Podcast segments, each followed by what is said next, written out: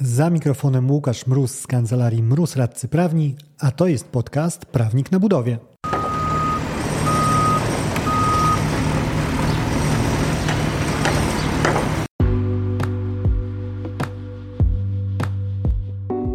Z tej strony mikrofonu Prawnik na budowie. Zanim przejdziemy do odcinka, dwa szybkie ogłoszenia.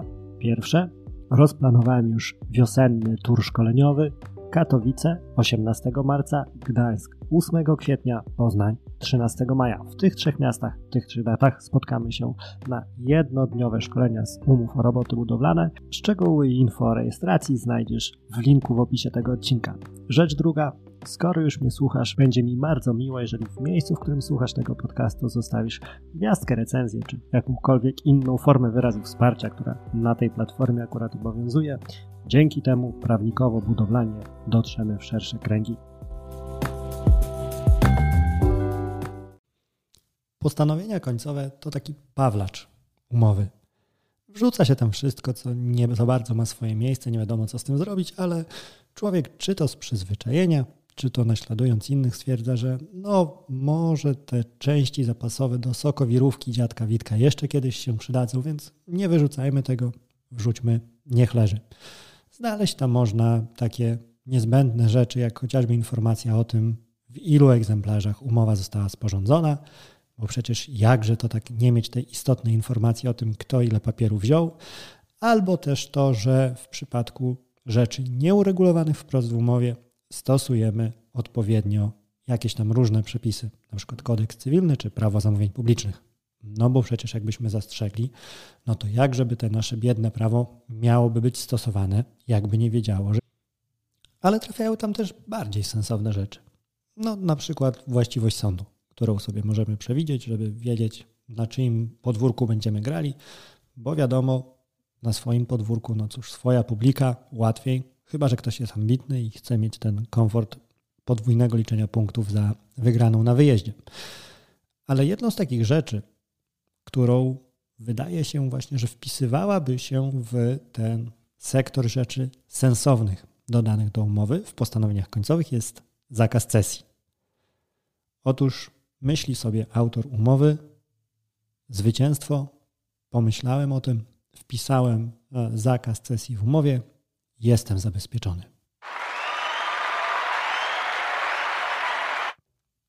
A potem trafia na orzecznictwo Sądu Najwyższego i okazuje się, że jednak.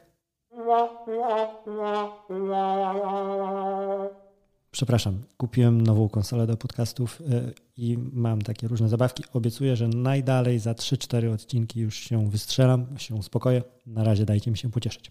W każdym razie, e, jeżeli mamy wpisany ten zakaz sesji, no potrzeba nie bierze się znikąd. On ma wartość dla tego, kto go zastrzega, a chociażby taką, że jeżeli zakazujemy sesji, no to wiemy, kto jest naszym kontrahentem, a jak wiemy, kto jest naszym kontrahentem, to też wiemy, kogo możemy przycisnąć, przydusić, troszkę zagrać nam z nim w sposób bardziej realizujący nasze interesy i łatwiej, powiedzmy, będzie w typowej sytuacji ścisnąć za kochones podwykonawcę generalnemu wykonawcy niż chociażby faktora, który kupił taką wierzytelność i nie jest specjalnie pod wrażeniem tego, że jakiś tam lokalny wykonawca robót budowlanych działający jako generalny wykonawca chce mu się postawić. Te zakazy cesji są bardzo powszechne. Wręcz można powiedzieć, że wpisały się w taki kanon e, typowych wzorków umownych różnego rodzaju. I skoro są tak powszechne, skoro ba, wyraźnie, jednoznacznie zastrzega się, że sesja jest zakazana, to skąd ten mój pomysł, że nieszczególnie to zadziała i skąd odwołanie się do Sądu Najwyższego? Zacznijmy od tego, że wskoczymy w kodeks cywilny, konkretnie w artykuł 514.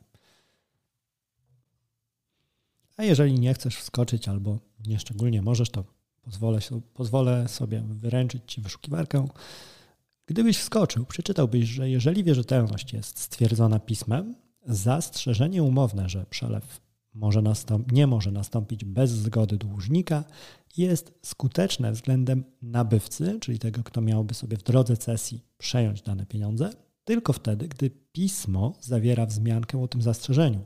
chyba że nabywca w chwili przelewu o zastrzeżeniu wiedział. Czyli w największym uproszczeniu, jeżeli jakaś wierzytelność jest stwierdzona papierem, to na tym papierze musi znaleźć się informacja o zakazie cesji, żeby ten zakaz cesji był, użyjmy słowa egzekwowalny, powiedzmy, czyli żeby był skuteczny. I tutaj wchodzi orzecznictwo, ponieważ e, cóż to jest to stwierdzenie pismem? Sąd Najwyższy już w 2009 roku, chociażby w wyroku, zauważył, że sytuacja ta stwierdzenia wierzytelności pismem ma miejsce nie tylko wtedy, gdy umowa, z której wynika wierzytelność, została zawarta w formie pisemnej, ale również wtedy, gdy istnienie wierzytelności zostało stwierdzone przez wystawienie faktur VAT. Czyli takim papierem nie musi być wcale umowa, musi być, może być nim również faktura, jak najbardziej skuteczne. I te, ta myśl powtarza się i w wyrokach Sądu Najwyższego, i w wyrokach sądów apelacyjnych. I tutaj powoli docieramy już do clue problemu. Może nawet już chodzi ci ją po głowie, może właśnie już zaświeciła ci się ta lampeczka z napisem jak banalnie obejść zakaz cesji. Bo wejdźmy w tą sytuację, kiedy mamy ten zakaz, o którym mówiłem, jak najbardziej w postanowieniach końcowych umowy jest. Ale na fakturach informacji o takim zakazie już nie ma, ponieważ ten dopisek e, na fakturach często jest wymagany i to widać, wymagają już podmioty te, które albo miały okazję przejechać się na temacie, albo pogrzebały i wykryły ten problem, zanim stał się ich problemem, bo powstaje pytanie, co wtedy? Jeżeli w jednym papierze, w umowie taka informacja jest, ale już w fakturze takiej informacji nie ma i dajmy na to, to właśnie ta faktura zostaje przedstawiona jako podstawa zbycia. Pójdźmy na przykład w scenariuszu, w którym jest podwykonawca, jest generalny wykonawca i podwykonawca celowo kombinuje, żeby obejść właśnie jakoś zakaz e, cesji. Doczytuje te wyroki, o których mówię i stwierdza, że dobra, to nie dopatrzyli mi tego, żebym musiał mieć w fakturze zakaz cesji wpisany. Nie mam, więc wystawię te faktury jako podstawę do e, sprzedaży tej wierzytelności mojej o zapłatę wynagrodzenia i cyk, poszło w ludzi. Dla takich sytuacji właśnie e, bardzo istotne jest inne orzeczenie Sądu Najwyższego z 2006 roku. I cóż w nim stwierdził Sąd Najwyższy? W przypadku istnienia kilku dokumentów stwierdzających istnienie wierzytelności zbytej w drodze przelewu, z których tylko część zawiera informację o zakazie dokonywania przelewu bez zgody dłużnika, ocena skuteczności tego zastrzeżenia wymaga ustalenia, w oparciu o jaki dokument wierzyciel wykazał wobec nabywcy wierzytelności jej istnienie. Przetłumaczę na szybko na polski. Jeżeli mamy kilka papierów, z których wynika ta e, wierzytelność, czyli w tym przykładzie, o którym mówiłem właśnie, mamy zarówno umowę, która wskazuje na to, że zakaz cesji jest, jak i faktury, no, które takiej wzmianki nie zawierają. Czyli znowu mamy tylko część papierów z informacją o zakazie dokonywania. Co wtedy? Żeby ocenić, czy ten zakaz wiąże nabywcę, czy osobę pragnącą być tym nabywcą, trzeba stwierdzić, w oparciu o który papier on wykazywał e, nabywaną wierzytelność, czyli co zostało mu pokazane przez wierzyciela, tego, który chciał zbyć sobie e, swoje pieniądze, jako podstawa do ich transakcji. Idźmy dalej. Jeżeli dokument ten nie zawierał warunki o zakazie dokonywania przelewu, to pactum de oj, przepraszam, popełniłem łacinę w podcaście, będzie bezskuteczny wobec nabywcy wierzytelności, chyba że nabywca wierzytelności w chwili przelewu o zastrzeżeniu tym wiedział. Czyli znowu, pobawię się w tłumacza z prawniczego na polski. W moim przykładzie mamy tą fakturę bez wzmianki o zakazie. Czyli mamy ten dokument, o którym mówi Sąd Najwyższy, który nie zawierał wzmianki o zakazie dokonywania przelewu. Wtedy zakaz cesji czyli tu, gdzie sąd popełnił łacinę pactum de non cedendo, jest nieskuteczne wobec nabywcy wierzytelności, no bo najzwyczajniej w świecie o tym nie wiedział, Chyba, że wiedział właśnie to, co wrzuca sąd jako istotne zastrzeżenie. No ale powiedzmy, że jeżeli jest układana e, układanka już na potrzeby przepchnięcia jakiejś wierzytelności, no to ten, który nabył, raczej nie będzie się śpieszył do przyznania co do tego, że wiedział, że skutecznie kupić nie mógł, bo po cóż by w ogóle ładował się w całą transakcję. E, temat jest o tyle istotny, o tyle ważne jest to orzeczenie Sądu Najwyższego, że ono zapadło w ciekawym kontekście, w odniesieniu do faktora. I można by się zastanawiać, i tutaj taka była linia obrony, że no, słuchajcie, jeżeli mówimy o profesjonalistach, szczególnie o podmiocie, który zawodowo w ogóle zajmuje się takim obrotem, wierzytelnościami, no to można i trzeba od niego oczekiwać, że on weryfikuje, e, czy taki zakaz cesji jest i po prostu zażąda przedstawienia mu też umowy, a nie tylko gołej faktury. Ale nawet w przypadku faktora właśnie Sąd Najwyższy stwierdził, że nie, ten standard prawidłowego działania nie sięga tak daleko, że powinien dociekać faktor przedstawić pełnego kompletu papierów, e, a co najmniej umowy, żeby zobaczyć, czy tam nie ma zakazu cesji. Więc możesz się domyślić, że jeżeli taki wniosek jest formułowany w odniesieniu do tak profesjonalnego podmiotu jak faktor, no to tym bardziej właśnie na poziomie gdzieś tam przepychania tej wierzytelności w obrocie mniej profesjonalnym, czyli nazwijmy to w cudzysłowie, między mniej profesjonalnymi podmiotami, no to tym mniej skłonne będą sądy do przyjęcia, że trzeba było tutaj dociekać i wnikać, czy w umowie zakazu cesji nie ma.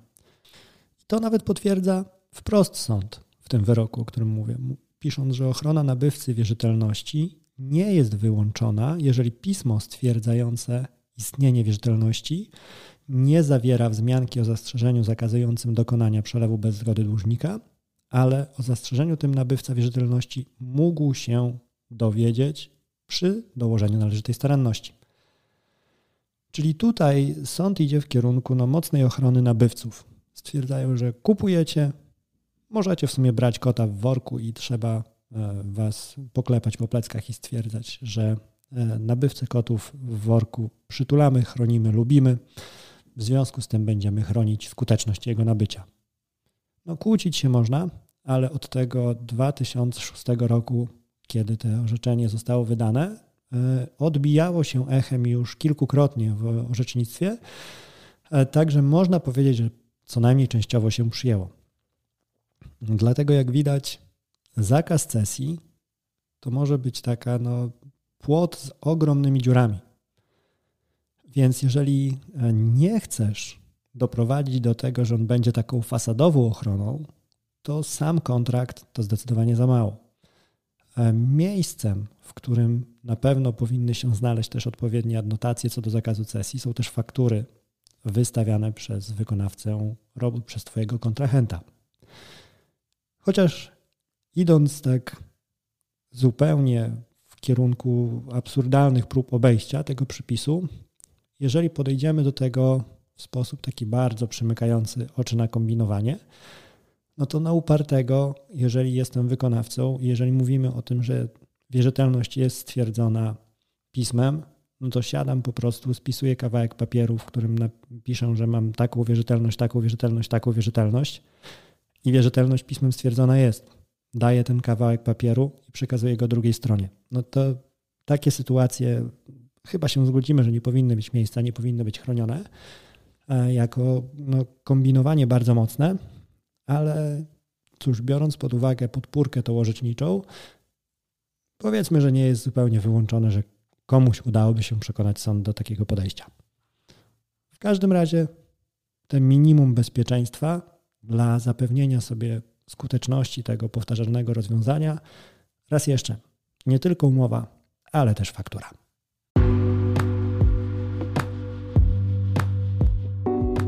Dzięki za odsłuchanie tego odcinka. Zasubskrybuj podcast, żeby nie umknęło Ci żadne kolejne nagranie.